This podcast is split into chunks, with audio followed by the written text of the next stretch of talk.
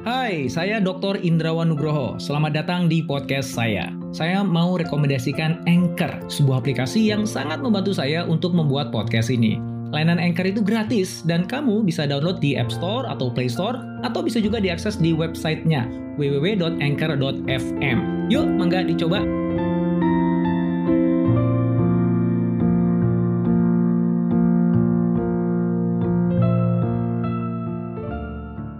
Mari kita bicara industri film dunia.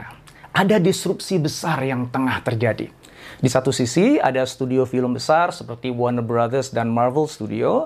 Kemudian di sisi lain ada perusahaan raksasa yang mengakusisi studio-studio itu seperti AT&T dan Disney. Ada pula sutradara-sutradara visioner seperti Zack Snyder dan Chris Nolan. Ada juga jutaan fans yang teriakannya semakin lantang thanks to social media dan hadirnya layanan video streaming yang haus akan subscribers. Nah, saat ini ada tubrukan besar yang tengah terjadi antar kelima pihak ini. Layanan streaming telah memicu disrupsi konstelasi industri film. Pandemi mengakselerasi efek disruptif itu. Hollywood tidak akan pernah sama seperti dulu. Untuk membahas disrupsi di industri film ini, kita akan menggunakan perseteruan antara Warner Brothers dengan sutradara Zack Snyder dalam pembuatan film Justice League sebagai case study. Kasus ini menarik karena merefleksikan apa yang tengah terjadi di banyak korporasi saat ini, termasuk bisa jadi di perusahaan Anda. Banyak eksekutif galau sekarang. Tekanan datang dari mana-mana. Arah perusahaan nggak jelas. Politik kantor makin terasa tanpa disadari, banyak eksekutif justru merusak produknya sendiri. Yuk, kita simak kisahnya dan kita belajar dari efek disrupsi yang bisa jadi tengah terjadi di perusahaan kita sendiri.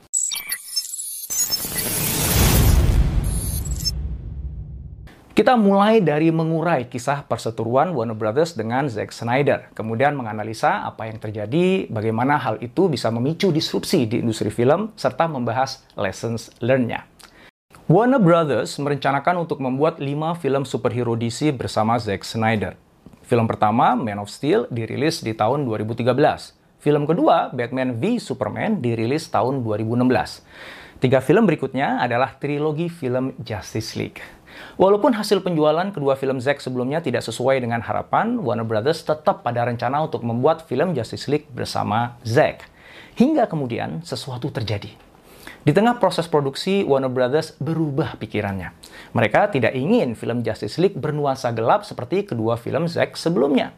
Mereka ingin film Justice League dibuat seperti film superhero Marvel yang terang benderang, ringan, dan penuh humor sebuah formula yang terbukti memberikan pesaing Warner Brothers, yaitu Marvel Studio, keuntungan besar yang menjadikannya pemimpin pasar. Nah, dari sinilah konflik antara Warner Brothers dan Zack Snyder dimulai. Zack tentu saja menolak karena itu tidak sesuai dengan visinya. Bukan hanya berlawanan dengan gaya sinematiknya, namun juga nggak nyambung dengan tema sentral film Justice League yang ia tengah buat. Justice League versi Zack Snyder bercerita tentang dunia yang sedang sakit, tentang kekalahan para superhero dan datangnya hari akhir. Namun Warner Brothers nggak peduli, mereka tetap kekeh. Dan Zack berjuang untuk tetap bisa membuat film Justice League sesuai visinya. Warner Brothers kemudian mengutus dua eksekutifnya untuk mensupervisi Zack saat produksi. Dan di tengah situasi yang serba nggak enak itu, Zack mengalami tragedi keluarga. Anaknya meninggal dunia. Dan di tengah duka yang mendalam, Zack kehilangan energi untuk terus berjuang melawan Warner Brothers. Zack akhirnya memutuskan untuk mengundurkan diri, tidak meneruskan proyek Justice League. Padahal saat itu semua adegan sudah selesai diambil gambarnya. Warner Brothers melihat ini sebagai kesempatan untuk mengubah Justice League versi Zack Snyder menjadi Justice League seperti yang mereka inginkan. Mereka kemudian meminta Joss Whedon, sutradara film Marvel The Avengers, untuk meneruskan proyek Justice League. Joss Whedon kemudian menulis ulang ceritanya. Syuting ulang banyak adegan hingga mengubah skor musiknya. Di tahun 2017 meluncurlah Justice League versi Joss Whedon yang terang benderang, ringan, dan berupaya lucu. Yang ternyata flop alias gagal total dalam menarik penonton. Nah lucunya, eksekutif Warner Brothers yang menonton film itu sebelum rilis ternyata juga menilai bahwa film itu buruk. Namun, nasi sudah jadi bubur. Nggak mungkin mundur.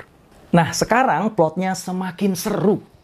Satu tahun semenjak para fans dikecewakan dengan film Justice League oprekan Joss Whedon, muncul kasakusuk yang menyebut bahwa film Justice League asli buatan Zack Snyder tersimpan rapi di gudang Warner Brothers.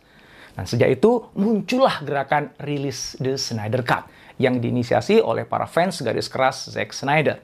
Dan selama dua tahun, mereka menuntut Warner Brothers merilis film Justice League versi Zack Snyder. Tuntutan tidak hanya dilakukan di berbagai media sosial, Para fans bahkan mengumpulkan dana untuk menyewa pesawat yang membawa banner Release The Snyder Cut mengelilingi studio Warner Brothers. Bahkan mereka menyewa billboard di Times Square menuntut Warner Brothers merilis The Snyder Cut. Bagaimana respon Warner Brothers? Mereka tutup mata dan telinga. Bahkan secara terbuka menyebut para fans yang menuntut The Snyder Cut sebagai toxic. Bagi Warner Brothers, The Snyder Cut berisiko mengacaukan rencana mereka dalam membangun semesta DC bergaya Marvel.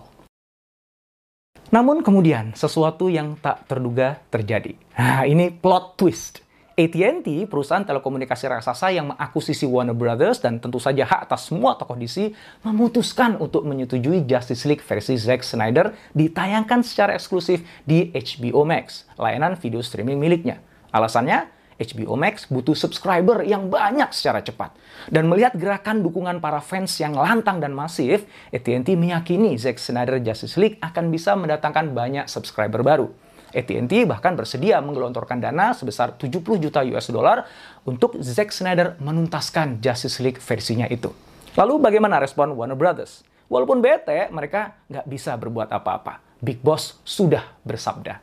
Hasilnya, pada tanggal 18 Maret 2021, di hari pertama film Justice League versi Zack Snyder itu dirilis serentak di seluruh dunia, server HBO Max sempat mengalami down gara-gara terlalu banyak orang yang nonton di waktu yang sama. Apakah itu artinya film Justice League versi Zack Snyder ini sukses di pasaran? Enggak, menurut Warner Brothers. Mereka buru-buru mengeluarkan statement di media bahwa Justice League versi Zack Snyder itu nggak sukses. Jumlah yang nonton jauh di bawah penonton Wonder Woman 1984. Selain itu, untuk membendung agar fans Zack Snyder tidak menuntut Warner Brothers untuk kembali menghidupkan semesta DC ala Zack dengan hashtag Restore Snyderverse-nya, yang itu sudah mulai ramai, maka eksekutif Warner Brothers buru-buru mendeklarasikan bahwa Justice League versi Zack Snyder tidak akan diteruskan. Ini adalah film terakhir Zack untuk DC. Warner Brothers sudah move on untuk membangun semesta DC tanpa Snyder. Tapi benarkah Justice League itu gagal? Oke, sekarang kita bedah ya kasusnya. Kita akan gunakan tiga perspektif, yaitu politik korporasi, jebakan komite, dan inovasi. Sekarang ini akuisisi dan merger bukan barang asing. Jika sekarang belum terjadi di perusahaan Anda, bisa jadi nggak lama lagi. Jika sudah terjadi, mungkin akan terjadi lagi. Visi, nilai-nilai, dan kepentingan yang berbeda antara perusahaan yang diakuisisi atau merger sering kali menimbulkan banyak gesekan. AT&T adalah perusahaan holding dan konglomerasi yang ingin semua bisnis di bawahnya sukses, dan mereka cenderung pragmatis. Sementara Warner Brothers tumbuh dengan tradisi Hollywood yang selalu jadi pusat perhatian dunia. Maka ego mereka cenderung tinggi. Ketika AT&T sebagai pemilik Warner Brothers dan HBO mengumumkan akan merilis film-film buatan Warner Brothers di HBO Max pada hari yang sama mereka tayang di bioskop, eksekutif Warner Brothers teriak. Bagi Warner Brothers itu mengkhianati tradisi film, sekaligus penghinaan terhadap karya sinema para sutradara. Bahkan Chris Nolan, sutradara kawakan pembuat film trilogi The Dark Knight, mengatakan, para filmmaker dan bintang film hebat tidur di malam hari berpikir bahwa mereka bekerja untuk studio film terbesar. Namun bangun untuk mengetahui bahwa mereka bekerja untuk layanan streaming terburuk. Nah, sementara bagi AT&T yang pragmatis, mereka melihat keputusan itu sebagai sebuah strategi yang logis di tengah pandemi dan perubahan preferensi pelanggan. Nah, dalam situasi seperti ini, sebuah produk bisa mati jadi korban politik. Atau bisa juga justru tumbuh berkembang kalau Anda pandai memainkan politiknya. Dan Zack Snyder memainkan perannya dengan apik dalam gerakan para fans untuk rilis The Snyder Cut. Bahkan para aktor dan aktris utama Justice League ikut dilibatkan untuk semakin memanaskan tuntutan ke Warner Brothers. Snyder juga tahu ke mana dia harus menggonggong. Jelas bukan ke Warner Brothers, namun ke bapaknya Warner Brothers yang sedang all out cari jalan untuk mendapatkan subscriber baru untuk layanan streamingnya sehingga bisa memenangkan persaingan. Apa lessons learned-nya untuk Anda? Saya rasa Anda sudah tahu ya Gak usah diomongin, lakukan saja. Hai, sebelum kita lanjut podcastnya, kamu sudah pernah dengar Anchor kan? Anchor adalah all-in-one podcast editing platform yang saya gunakan untuk rekaman, edit suara, tambah lagu, dan semua hal dalam pembuatan podcast yang sedang kamu dengerin ini. Anchor bisa membantu kamu bikin podcast kamu sendiri loh. Caranya gampang, tinggal download dari App Store atau Play Store, atau bisa juga diakses di www.anchor.fm. Download Anchor sekarang ya. Ketika bicara tentang Warner Brothers dalam beberapa interview, Zack sering menyebut diputuskan oleh komite dengan ekspresi wajah yang kelihatan kesal. Saya bisa memahaminya. Sebuah mahakarya atau inovasi radikal tidak pernah lahir dari sebuah komite. Kenapa? Komite itu cenderung cari aman, berupaya mengakomodir semua kepentingan, dan lama dalam membuat keputusan, serta plin-plan kadang-kadang. Tahukah Anda bahwa Warner Brothers pernah menginisiasi film Justice League Mortal di tahun 2007? Naskahnya udah siap, para pemain sudah mulai latihan, sutradara udah siap mulai produksi. Hingga kemudian dibatalkan. Ya, pembatalan produksi di Warner Brothers seperti ini bukan sekali atau dua kali ya, melainkan berkali-kali. Saya sendiri pernah tersandera oleh komite. Saya diminta untuk memfasilitasi tim inovasi di sebuah perusahaan besar. Sejak awal saya sudah merasa khawatir. Komite yang dibentuk untuk mengarahkan tim inovasi ini banyak maunya. Arahnya beda-beda dan semua orang punya kepentingan yang diperjuangkan.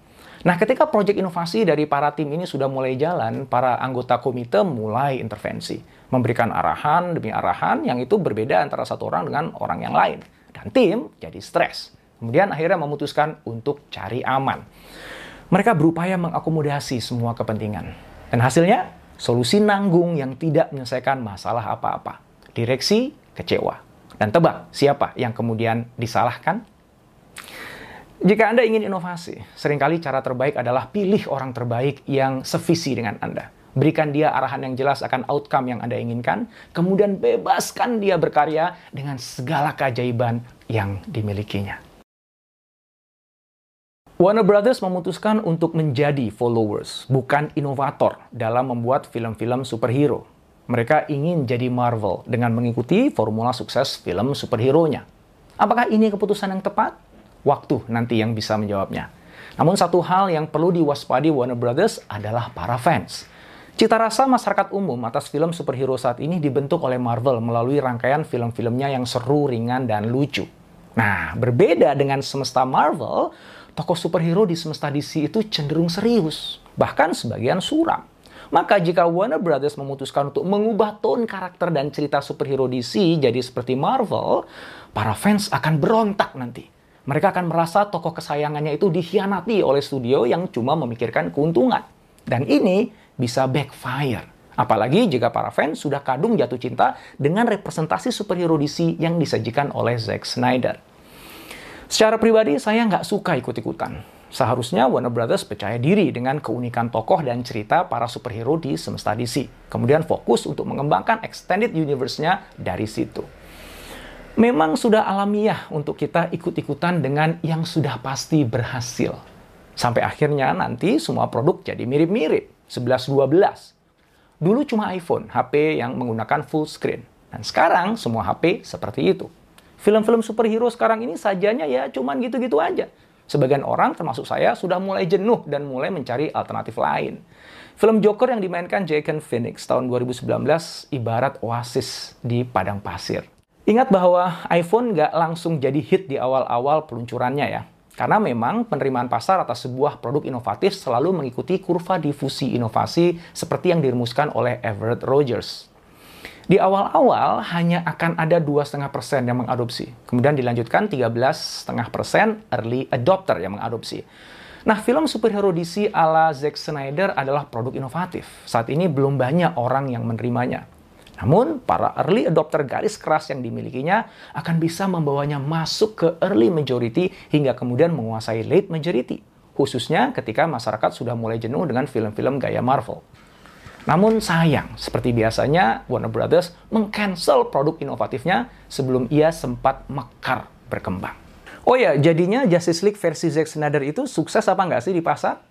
Laporan dari TV Time menemukan bahwa Justice League versi Zack Snyder adalah film yang paling banyak ditonton di Amerika Serikat selama akhir pekan rilisnya. Film ini juga menarik minat pemirsa lebih besar dari Godzilla vs. Kong atau Mortal Kombat.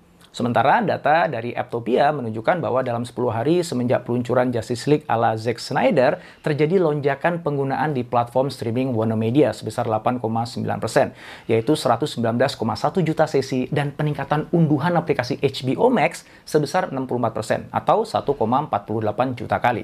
Screen Rant melaporkan bahwa Zack Snyder Justice League mengungguli The Falcon and the Winter Soldier dalam rating pemirsa untuk opening weekend mereka. Cuplikan tulisan Martin Scorsese di The New York Times ini bisa membantu menyimpulkan bahasan kita. Dalam 20 tahun terakhir ini, bisnis film telah berubah di semua lini.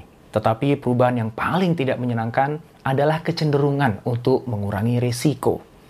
Banyak film saat ini adalah produk yang dimanufaktur untuk konsumsi ringan dan cepat. Mereka kekurangan sesuatu yang esensial bagi sinema, yaitu visi dari seorang pelaku seni. Karena tentu saja pelaku seni adalah faktor yang paling beresiko.